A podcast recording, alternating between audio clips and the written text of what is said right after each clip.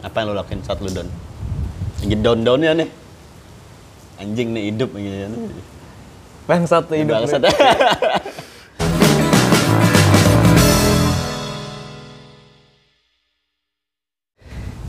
Siap, Bos? Kosong ini masih pikiran ya. Ahong.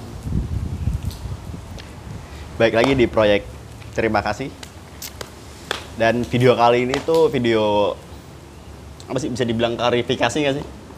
Setelah lu nonton semua nggak video kemarin? Nonton sih. Nonton. Nonton. Respon lu gimana? Ya malu sih. Nontonnya nonton diri sendiri malu.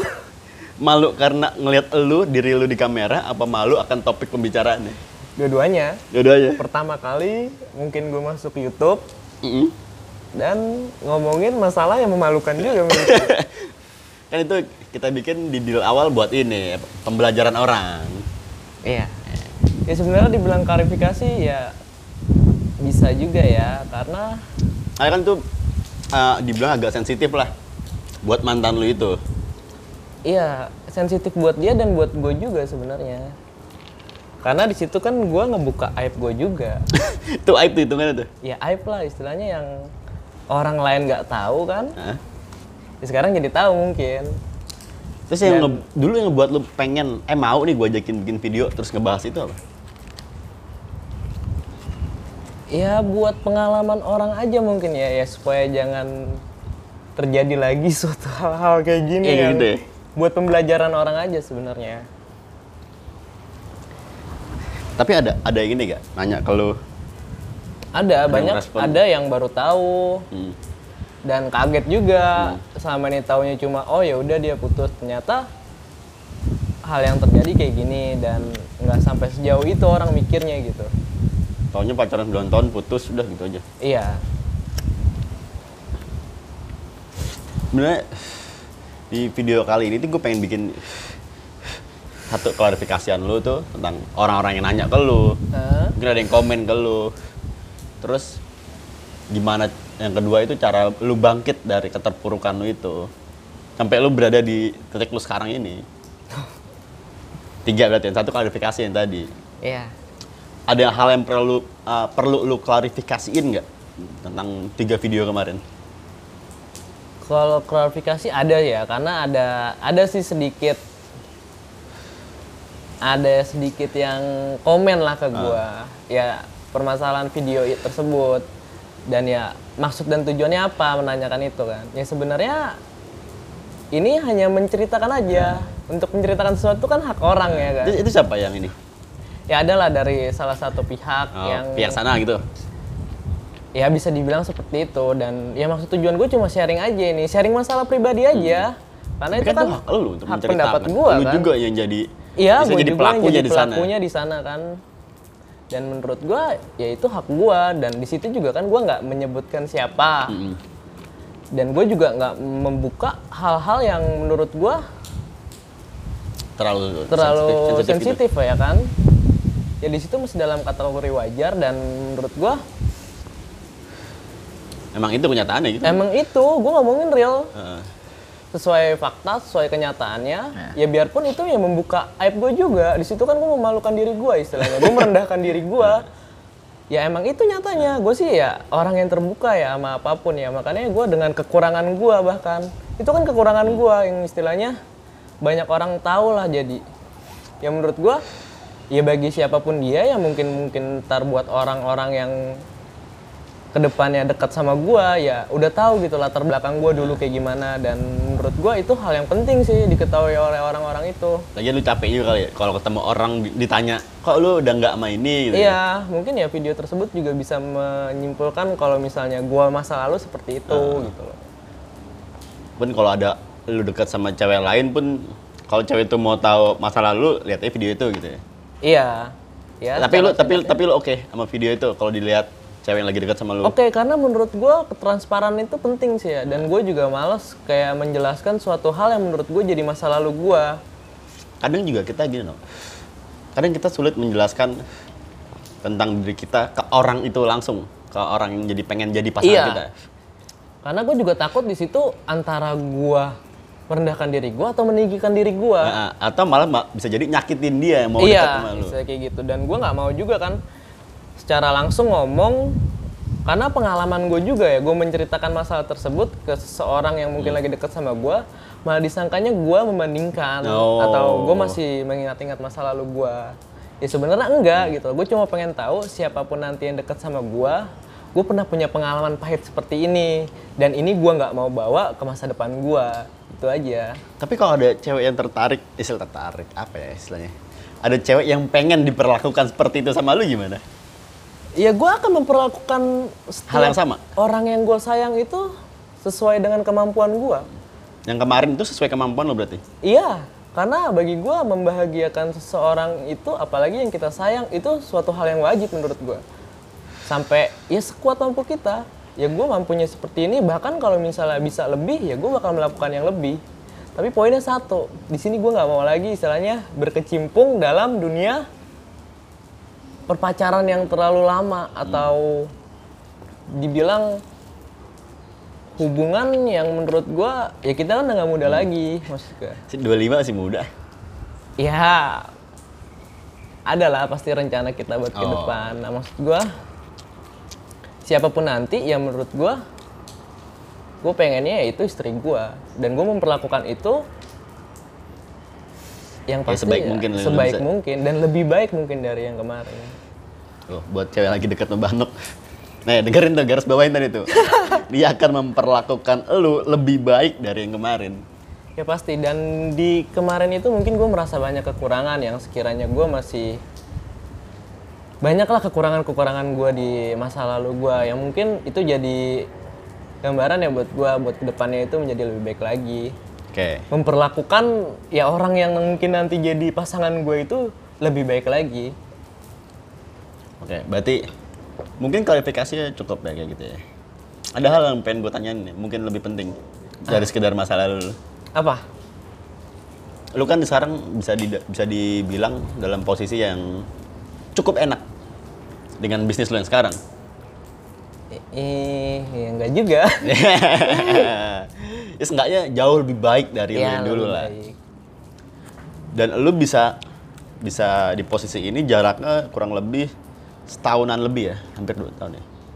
setahun Dari dari keterpurukan lu. dari keterpurukan gue sampai sekarang setahun Nah, jadi tuh jadi tuh Banok waktu putus sama mantan yang lalu tuh da- berbarengan dengan eh, runtuhnya bisnisnya dia.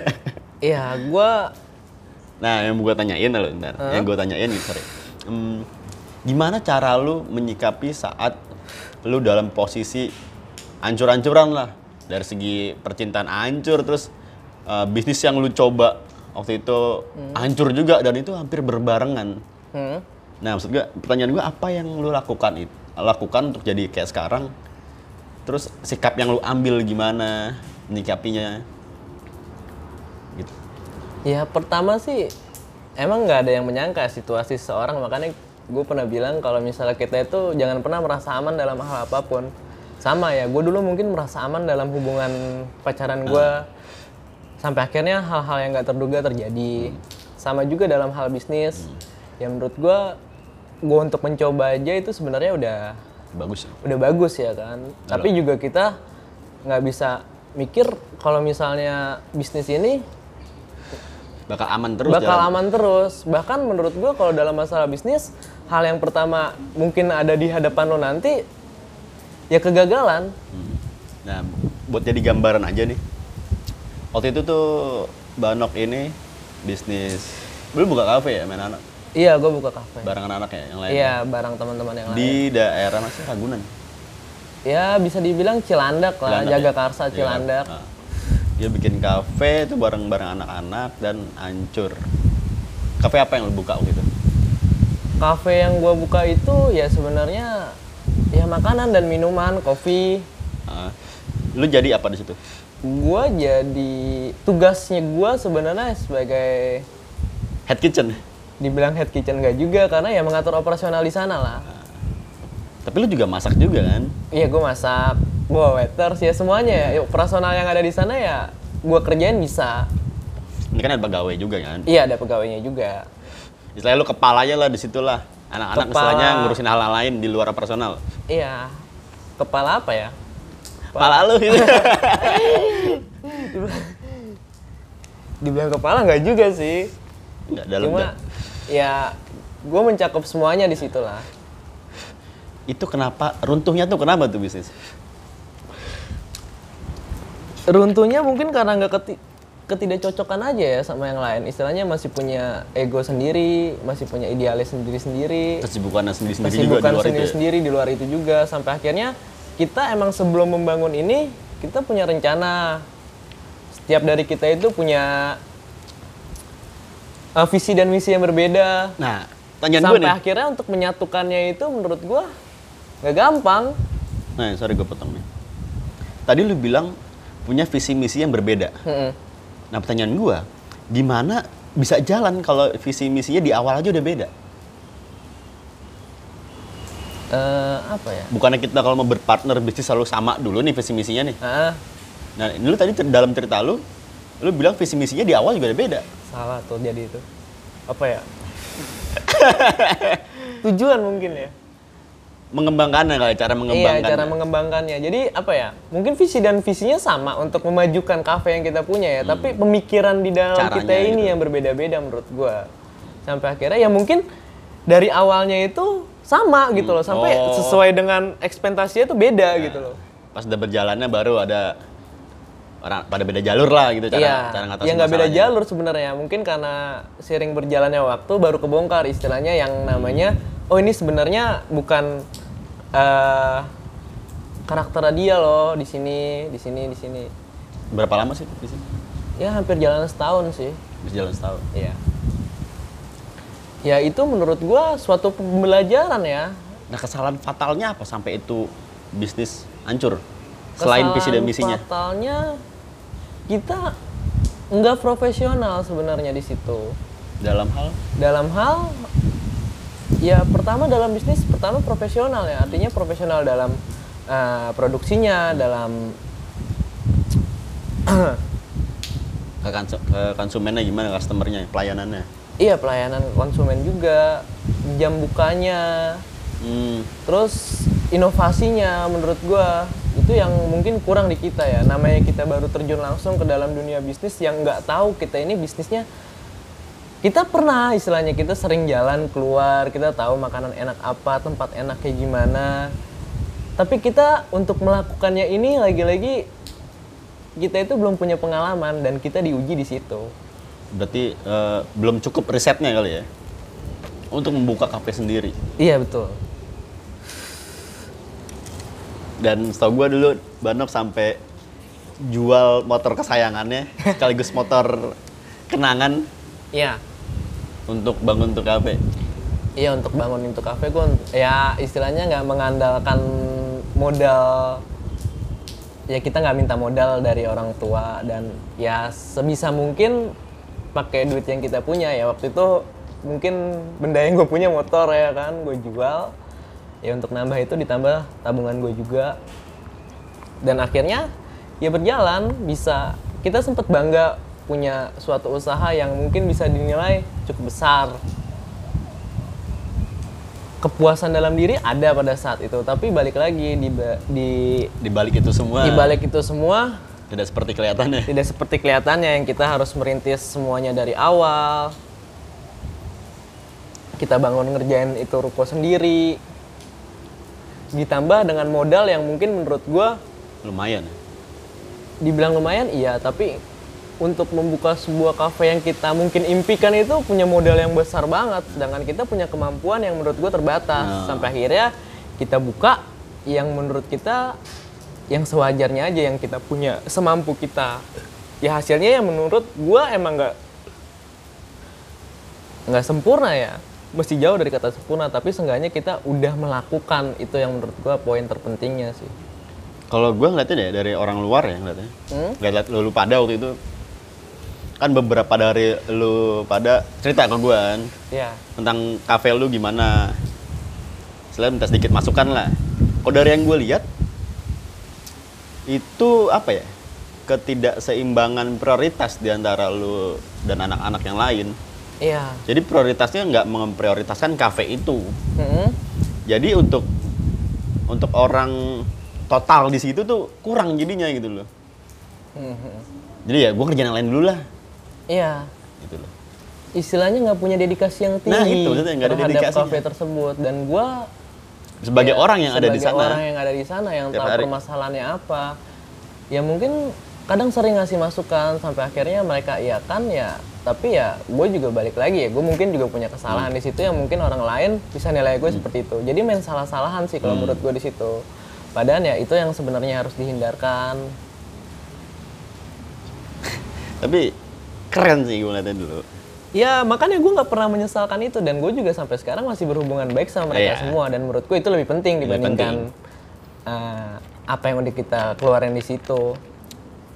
Walaupun dulu ada kesal-kesalan lah, pasti ada lah. Pasti di setiap pribadi masing-masing di sana mungkin punya kesalahan dan sama menurut Nah. eh, gue juga seperti itu kan. Tapi ya menurut gue untuk ke depannya ini jadi pembelajaran aja buat kita kalau misalnya kita bahkan untuk berbisnis sama teman sekalipun bisa terjadi seperti hal seperti itu dan menurut gue nggak ada yang lebih penting selain pertemanan ya makanya kita lebih baik mengalah di situ daripada kita harus selalu beradu argumen di situ yang ujung-ujungnya nggak ketemu Tapi saat lu lu dan anak-anak mencoba menyelesaikan masalah yang ada di kafe itu, hmm? itu semuanya datang nggak? datang sebenarnya Datang semua? datang ya balik lagi. Eh, nggak terpecahkan aja sebenarnya masalahnya. Sampai akhirnya kita merasa udah oh baiknya lebih baik begini istilahnya gitu. Ya kita semua nyari jalan yang terbaik pastinya. Respon lu gimana saat lu tahu nih kafe hancur, terus hubungan lu hancur, apa yang lu rasain? ya itulah mungkin momen terberat dalam hidup seseorang yang menurut gua antara cinta dan keuangan itu datang di saat yang bersamaan. Iya berat banget sih. Kita harus bangun diri kita sendiri.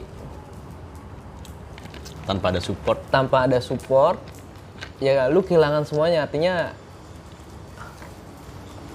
eh, harta lo yang mungkin udah lu larikan ke usaha ini dan mungkin hati lo sendiri yang mungkin ya lagi hancur-hancur ya pada saat itu.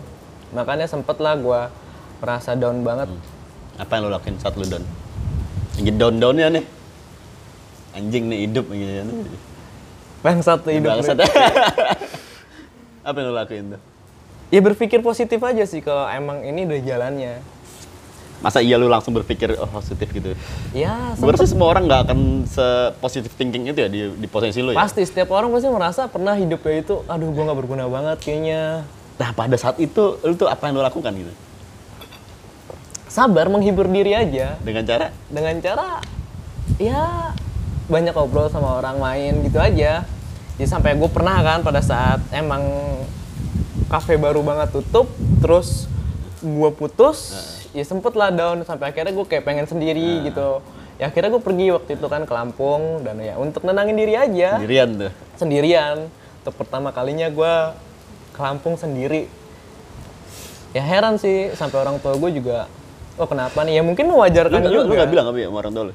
ya mungkin orang tua gue tahu kalau misalnya kafe tutup ya. Soalnya gue udah jarang ke, ke kafe lagi. Cuma gue nggak belum cerita eh, cerita secara resmi kalau bener-bener kafe ini bener-bener tutup. Nah, karena kalau- waktu itu kan masih ada sempat untuk gimana nih caranya untuk ngebangun lagi atau cara kita cari investor untuk ngejalaninnya. Kan masih Masih ada kemungkinan masih kayak ada gitu ya? kemungkinan untuk bisa ngejalanin lagi. Makanya gue belum eh, ngomong secara resmi sama orang tua gue Pada saat itu orang tua lu tahu? Uh, lu udah putus juga sama mantan lu? belum juga. Oh, belum tahu? belum tahu juga. Makanya ya gue belum bisa cerita juga. Belum pasti juga Hmm. karenanya ya makanya gue butuh ketenangan diri nih yang menurut gue ya udah gue pergi dulu untuk menangin diri. Ya akhirnya gue pergi. Ya di sebuah perjalanan itu ya kita berpikir-pikir positif lah. Kita masih bisa menilai kalau misal hidup itu harus terus berlanjut menurut gua dalam situasi seperti apa pun selama kita masih diberi kesempatan untuk hidup menurut gua harapan itu masih ada Apa poin yang, yang bikin lu pada saat itu punya Hmm? pikiran kayak gitu tadi yang lu bilang? Saat lu berpikir kayak, hidup gua masih bisa jalan nih. Penyemangat lu tuh apa? satu sih Rut, kita sebagai orang yang mungkin menurut gue satu yang di dalam diri gue itu mungkin tertanam keimanan ya menurut gua. karena tanpa adanya keimanan menurut gue kita bisa terjerumus dalam hal apa pun. Padahal bisa aja lu misalnya lari ke hal negatif pada kan saat, pada saat itu. hancur seperti itu bahkan setiap orang itu mungkin menurut gua perlu pelarian untuk melupakan segala permasalahan hidup yang dialami pada saat itu. Tapi di sini kan pilihan menurut gua. Yang pernah gue bilang sama lo kita berada dalam sebuah pilihan antara positif dan negatif. Itu pilihan aja sebenarnya. Bahkan kita bisa melakukan hal-hal negatif. Iya. Tapi di saat itu gue lebih memilih ke hal-hal positif.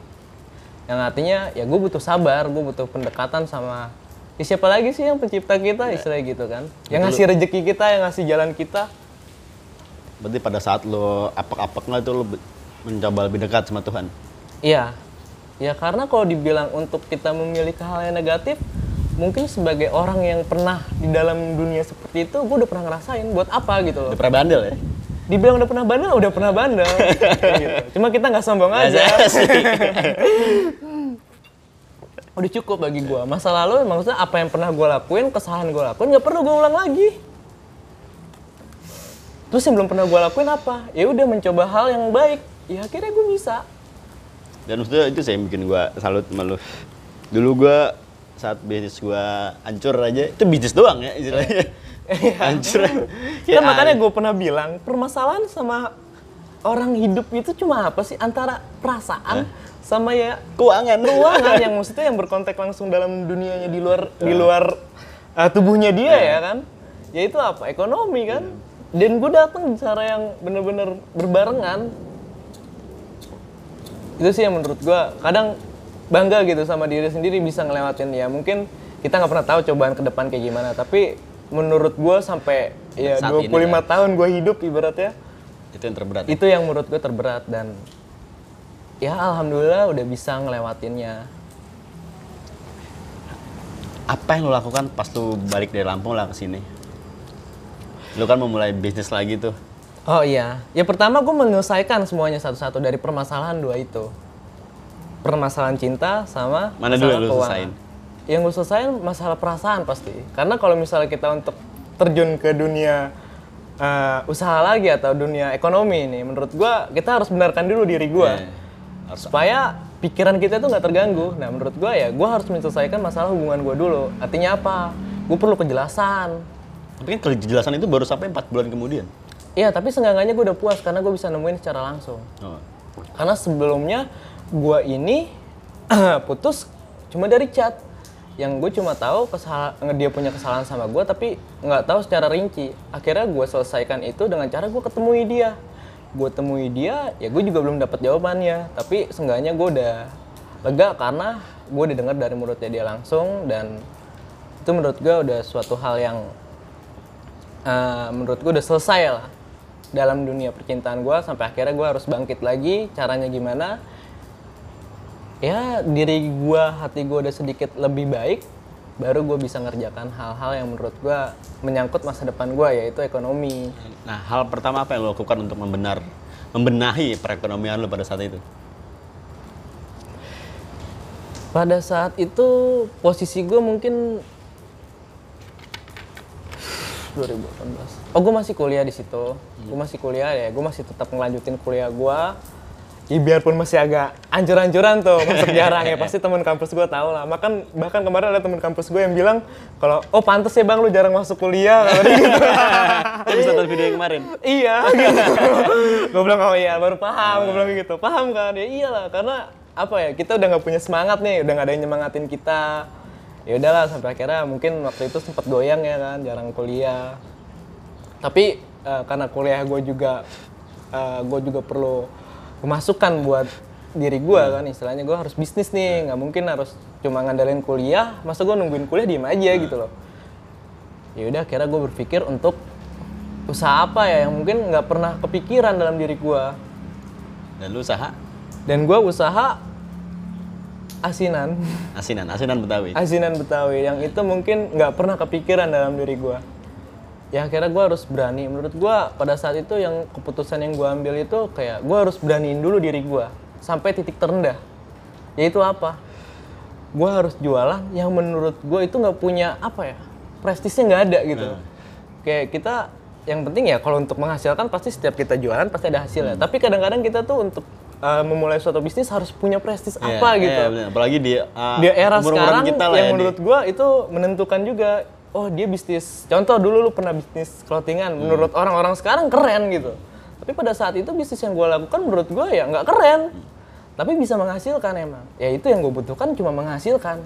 Dan gue mengetes diri gua untuk sampai ke titik terendah itu. Artinya apa? Lu jualan bener-bener nggak pakai dunia online dan itu bener-bener dari tangan lo sendiri dan lu lakuin sendiri.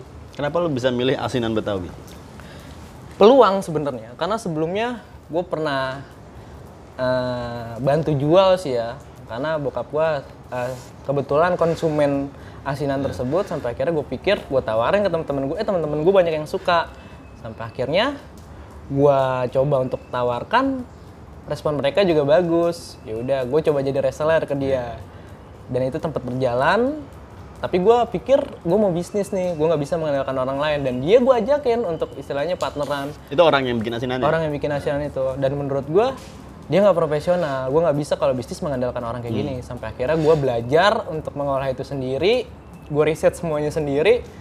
Sampai akhirnya gue suruh orang untuk coba dan ini layak untuk dijual. Ya udah gue beranikan diri untuk menjual itu dengan cara jualan langsung. Kayak gerobak deh. pakai gerobak. Itu cara yang pertama gue lakuin untuk ya gue bilang memberanikan diri gue untuk melakukan suatu hal yang nggak pernah gue pikirkan dan itu suatu hal yang mungkin eh, dibilang rendah banget dari bawah gitu istilahnya kita benar-benar ngilangin gengsi kita kita ngilangin malu kita Tapi pernah nggak gengsi lu kesenggol omongan orang pada saat itu? Pernah, karena menurut sebagian orang ya, mungkin heran gue melakukan hal seperti itu. Bahkan orang di lingkungan rumah gue sendiri, Iya, kok Yuda apalagi- mau seperti itu gitu kan. Padahal ya kalau dibilang-bilang kan gitu. Kontrakannya banyak.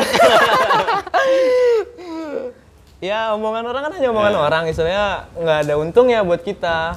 Istilahnya kalau menurut gue omongan orang itu bagus ya gue ambil, ya enggak ya gue buang gitu aja. Ya selama itu nggak merugikan lo dan menguntungkan buat gue, ya gue jalanin istilahnya gitu.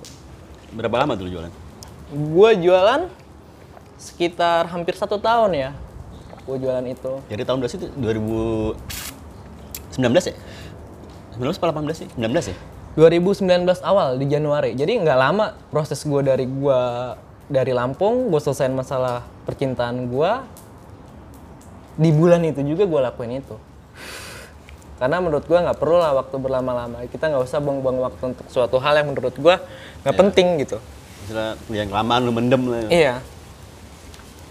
Ya gue jalan itu semua dengan berbagai macam rintangan yang Apa sih eh, dalam gua belum pernah ya berisilah berjualannya kayak gitu. Hmm?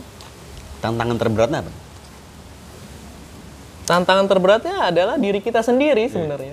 Kita uh, jadi bos istilahnya, bos buat diri kita sendiri. Kita nggak dikasih aturan kerja, kita sesuka hati kita, dan itu yang menurut gue berat. Jadi musuh gue sendiri.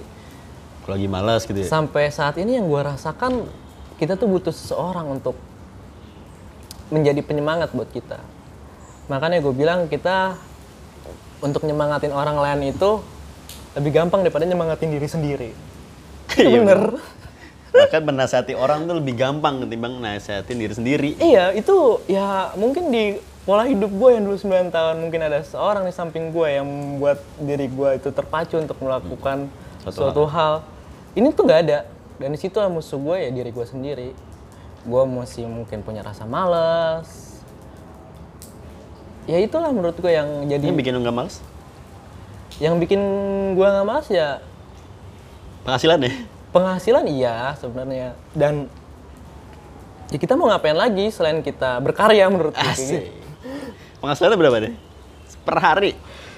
Ya lumayan lah, karena gue di situ juga nggak ngandelin eh, jualan di tempat juga kan, karena emang belum masuk online pada saat itu. Tapi gue udah coba menawarkan untuk masuk ke sebuah ke kantor-kantor, teman gue banyak kerjaan di kantor, eh, ke kantor eh, bokap gue juga, hampir setiap hari gue anterin ke sana. Dan menurut gue itu ya, gue udah punya pelanggan tetap dan pelanggan nggak tetap nih. Istilah Yang gitu. orang itu lewat yang gitu yang harus menurut gue kita harus punya penghasilan dan tetap dan harus punya penghasilan sampingan. Itu yang menurut gue penting. Dan gue pernah denger cerita lucu dari dia. Jadi pas lu kuliah ya, Hmm? lu ada suatu mata kuliah yang nggak selesai. Iya, gue... Dan dan lu harus ngubungin dosen itu. Pas lu telepon gimana coba ceritain itu. Lu coba gue pas denger. Iya jadi lucu juga sih gue sama teman-teman gue sempat ketawa. Gue nelpon dosen gue waktu itu dan gue menanyakan untuk menanyakan nilai gue. Pas gue nelpon dosen tersebut, gue ngomong dengan ya kita ngomong sama dosen baik ya kan. Sampai akhirnya dia ngomong awal dia ngomong tuh langsung kayak gini. "Eh, ini siapa ya? Saya nggak mesen asinan kata dia gitu. Dalam hati gue kok dia tahu kalau misalnya gue jual pernah jualan asinan kayak gitu. Mas saya nggak mesen asinan kata dia gitu. Enggak pak, saya ini mahasiswa bapak. Oh iya ada apa gitu kan? Enggak soalnya di HP saya namanya asinan Betawi Komsiko. Gue bilang, Bisa-bisaan tuh gue nyangkut sempet mikir juga tuh. Oh tapi gue nggak lanjutin gitu. Gue nggak lanjutin. Oh yaudah, gue bilang gue nanyain masalah perkuliahan doang. Udah sampai akhirnya pas gue tutup telepon, gue mikir lagi ini dosen dapat nomor gue dari mana? Gitu. Sedangkan gue nggak pernah ngasih nomor dia ke nomor gue ke dia. Pernah beli kali dia dulu. Atau pernah beli atau pernah dapat info dari orang lain kalau misalnya oh di sini ada yang jual asinan loh kayak gitu loh ya nggak mungkin juga gue istilahnya mempromosikan sampai ke dosen juga Tapi kalau nomor lu sampai di save sama orang istilahnya kan. hmm? Apalagi waktu itu lu jualan nomor jualan kan istilahnya itu ya. Nomor jualan lu di save sama orang, berarti tuh jualan lu enak. ya gue sih nggak pernah tahu ya karena yang bisa menilai orang lain karena ya, Ya, ya gue sih ngeliatnya logikanya gitu aja dong. Kalau lu jajan tempat biasa yang makanannya biasa aja, nggak bakal lu save. ya Bener kalau untuk ngomongin masalah asinan ya gue sebenarnya bukan ninggalin masalah bisnis itu ya. Karena menurut gue karena gue nggak bisa ngejalanin aja ntar mungkin gue ceritain. Tapi kalau sampai sekarang sih ya kalau dibilang dari respon orang baik sih ya. Cuma karena gue melihat kalau gue ini masih merepotkan orang tua aja kalau dalam bisnis tersebut. Makanya ya bisa mungkin ya gue harus bisa bisnis yang sendiri. Berarti sekarang udah tutup dulu nih asinan. Iya, oh, vakum dulu untuk sementara waktu. Ya tapi kalau dilihat dari responnya yang menurut yang tadi lu bilang ya, gua nggak tahu ya untuk rasanya kayak gimana. Tapi kalau untuk uh, bisnis di bidang makanan menurut gua yang penting sesatu lidah dulu sama kita, karena kita harus punya standar untuk menurut kita enak, menurut orang lain itu urusan belakangan. Karena apa? Lidah orang berbeda-beda, tapi kita punya nilai sesuai standar kita aja dulu. Dan bagusnya lu punya lidah yang bagus untuk menilai suatu makanan. Kan gua kalau gua nggak bisa kayak gitu, Nuk. Lu tau gua, gua kalau makan pasti itu itu aja. Gua Iya. nggak bisa bedain apa ya contoh gambar nasi goreng lah yang tiap gang ada nih. Nasi goreng A, B gua bisa bedain enaknya mana. Selama rasa yang rasa nasi goreng, ya nasi goreng udah gitu loh. Iya, iya. Gue gak bisa bedain oh enakan nasi itu. Gak bisa tuh gak gitu. cocok gue kayak di bisnis makanan. ya itulah mungkin entah kelebihan atau enggak ya tapi menurut gue ya itu ya kalau dalam dunia kuliner ya kita harus punya standar sendiri aja yang menurut gue ini ya ini layak untuk dijual kalau penilaian orang lain kalau respon di luar itu baik ya alhamdulillah ya kalau enggak ya, ya coba kita tingkatkan lagi aja Tapi overall, eh, enak gak menurut orang-orang? Yang nyampe ke kuping lu? Enak sih. Kalau menurut ya gue nggak sesumbar juga ya. Artinya apa? Karena kalau misalnya emang nggak enak berarti nggak ada pemesanan dong. Karena ya sampai saat ini gue pernah melayani pesanan yang menurut gue itu untuk orang-orang yang punya kelas sendiri lah. Karena di situ customer gue mungkin orang-orang yang punya selera aja sebenarnya. Karena nggak semua orang itu suka makanan asinan. tersebut menurut gue Gue pribadi pun gue gak suka asinan. iya, nggak semua orang suka. Tapi menurut gue konsumen gue pada saat itu bahkan yang beli setiap hari ada, bahkan yang menurut gue ini ini orang penting loh maksud gue itu. Bahkan seorang waktu itu ada pernah ya mungkin gue pernah antar ke rumahnya dan menurut gue ini orang penting gitu loh. Dan gue ya juga melakukan apa ya kayak pelayanan yang baik sih yang itu yang mungkin dihargain sama orang-orang eh, yang menurutku itu orang penting loh gitu. Gue nganterin ke rumahnya gue kaget sendiri gitu. Lu juga pernah ini kan, megang misalnya acara keluarga gitu. Pernah megang gak sih kayak gitu? Acara keluarga maksudnya? Misalkan eh, suatu keluarga ada acara syukuran atau apa, dia mau ada asinannya, pesan ke lu gitu, pernah gak? Oh pernah. Pernah kan? Pernah. Pernah juga kayak gitu. Untuk acara keluarga biasanya kan sangat disortir makanan kalau hanya yang betul. terpilih doang istilahnya gitu loh. Iya, makanya gue sampai heran kadang-kadang gue ngeri gitu loh kualitas makanan gue tuh mungkin dinilai sama saudara dia mungkin yang orang kayak gimana kayak gimana gue tuh kadang-kadang oh ini gue harus ngasih yang terbaik ini ngasih yang terbaik ya udah gue kasih semuanya yang terbaik Ada satu tadi belum lu jawab pertanyaan gue. apa Omset per harinya berapa tuh? ngomongin omset ya itulah sebagai seorang pedagang kadang ya ini jangan muter-muter udah. dibilang omset ya cukup lah. Ya, diplomatis banget jawabnya. Ya. Kali uh, buat orang yang nonton jadi kayak asinan Betawi. Oh, gini. Berapa ya? Ya lumayan lah. Eh, gope Kurang lebih kurang lebih Kurang gope lebih. bersih gak kotor? kotor lah. Kotor. Karena produksinya kan kalau itu di rata-rata setiap hari ya. Karena jumlah produksi gua kan nggak banyak. Istilahnya ini kan makanan yang hari ini harus habis soalnya nggak bisa buat besok. Jadi ya gua by order aja. Kalau emang ada pesanan yang banyak, ya gue bikin Nah, gitu. loh. PO. Tapi kalau untuk di Kayak wasinan bangsa. iya, kalau misalnya cuma untuk dijual biasa nggak ada pesanan ya gue sesuai standar aja gue jual sehari ya sekitar 30 sampai 40 piece. Satu piece lu jual berapa? Satu piece gue jual 15.000 ribu. Satu piece 15 ribu. Berarti buat modalnya berapa kira-kira? Goceng 7 ribu. Ya, Buat 50 persen lah. 15 ribu per hari. Ya, segitu. Kurang lebih ya. Karena ya sebagai seorang pedagang, itu sih yang mungkin menurut gua banyak orang yang nggak berani untuk berbisnis. Karena dalam kondisi seperti itu kita nggak bisa menentukan. Nggak setiap kayak orang kantor yang setiap bulan udah punya gaji yang pasti. Sebagai, sebagai seorang pedagang, ya kadang lebih, kadang kurang. Tapi Nggak kurang. kurang sih, istilahnya cukup. Iya gitu. Karena patokan kita cukup, bukan kurang. Iya. Tapi kalau sampai saat di titik kurang, karena kita nggak tahu kondisi kan. Tapi pernah eh, apak banget nggak laku gitu? Laku, cuma hanya beberapa piece gitu. Mungkin dengan dukungan cuaca juga ya, karena menurut gua uh, makanan yang gua jual pada saat itu tergantung sama cuaca juga. Kalau hujan gitu ngerusak mata kan? Iya, ngerusak mata, mata pencarian. Baset. Lu gue pernah main nih ke ini ke tempatnya dia, ke tempat jualannya. Lagi hujan, terus dia bilang, hujan lagi Red, ngerusak mata nih. Ah, mata lu lah mana? Mata pencarian. iya. Berarti bisnis asian, bisnis asinan dengan omset lima ratus ribu per hari Mm-mm. selama setahun. Dan sekarang kan lu berganti bisnis lagi nih, lu jualan Iya. lagi. Tapi nanti dulu itu. nanti dulu. Karena ada prosesnya masuk. Nah, prosesnya tuh gimana?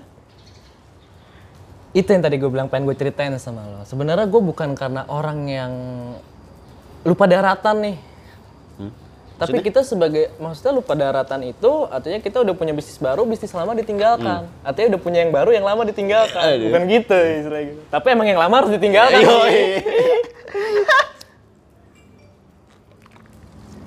Ah, gimana tuh proses satu? Pertama, menurut gue bisnis kita nggak bisa bergantung sama orang lain. Pertama dia bergantung sama diri kita dulu. Dan karena di bisnis asinan gue masih melibatkan orang lain, yaitu orang tua gue. Karena gue produksi masih di rumah, dan di situ menurut gue, gue masih merepotkan orang tua gue. Orang tua lu bantuin gitu. Orang tua gue ya agak bantuin lah, agak repot, dan gue nggak mau. Ya mungkin pada saat itu gue mikir orang tua gue juga pasti ngelihat gue kasihan mungkin ya kan. Kok nih anak mau untuk kayak gini? Ya sempat jadi perbincangan di antara uh, lingkungan sekitar. Ya kok mau gitu Yuda untuk jualan kayak gitu di depan sedangkan banyak orang yang mungkin secara sudut pandang itu nggak berani untuk melakukan itu tapi seorang Yuda berani untuk melakukan itu. Ih, sedap. ya iya nggak pernah kepikiran sempet lah istilahnya ada omongan-omongan yang kok mau sih kayak gini? Kok mau sih kayak gini? Gitu. Ngapain sih hidup udah enak juga? Gitu. Apa yang dicari sih? Ya gue bilang ya namanya omongan orang ya udah. Nyari duit bilang gitu. Iya. Terus? sampai akhirnya yang menurut gue ya pertama pert- masalahnya satu sih gue masih merepotkan orang tua gue yang menurut gue gue nggak bisa kalau misalnya untuk merepotkan orang tua gue kalau makanya di sini gue mengambil uh, karena ada peluang ya uh, peluang di bisnis baru makanya gue lebih ngambil ke itu. Jadi sebenarnya gue nggak tinggalin tapi kalau tetap ada yang pesen ya gue tetap layanin. Tetap masih ada sampai sekarang? Sampai sekarang masih ada. Ntar tanggal 25 ada yang mesen 35 piece dan buat acara kayak gitu. Ya masih tetap gue layanin karena gue menyebar eh, mungkin pelanggan-pelanggan gue dulu pernah minta kontak gue sampai dia, "Mas kalau pesan bisa kan tapi masih ya." Mungkin "Masih termasuk bisa dosen kok." lu tadi kali. Bisa jadi. ya banyak kayak kantor temen gue yang nanyain, "Kapan lu jualan lagi?" Temen gue banyak yang nanyain, temen gue banyak yang nanyain. "Oh, nanti deh," gue bilang ya kan. Ya karena itu dia. Dan gue lebih kalau emang lebih ini sih gue nggak mau ninggalin lebih pengen kalau orang tua gue kalau emang mau ijalanin aja gitu. Ntar gue bantu pemasarannya. Kan karena kita juga udah punya pelanggan lah udah punya nama Sayang, ya. istilahnya gitu. Kalau orang bisnis udah punya pelanggan menurut gue itu udah enak. Sayang, sayang. karena ya pertama emang bisnis yang waktu itu gue jalanin ya jualan itu menurut gue nyari pelanggan itu susah banget. Itulah gue ya pernah ngobrol sama berbagai macam pedagang. Kita tuh nyari pelanggan itu susah. Tapi kalau misalnya emang kita udah punya langgan Asik udah punya langgan. Iya, tukang gorengan gitu Tukang tuh. gorengan gitu ya, udah punya Iya. langgan. Udah punya langgan ya, udah enak. Orang udah nyari kita, kita nggak perlu nyari orang. Yes, yes.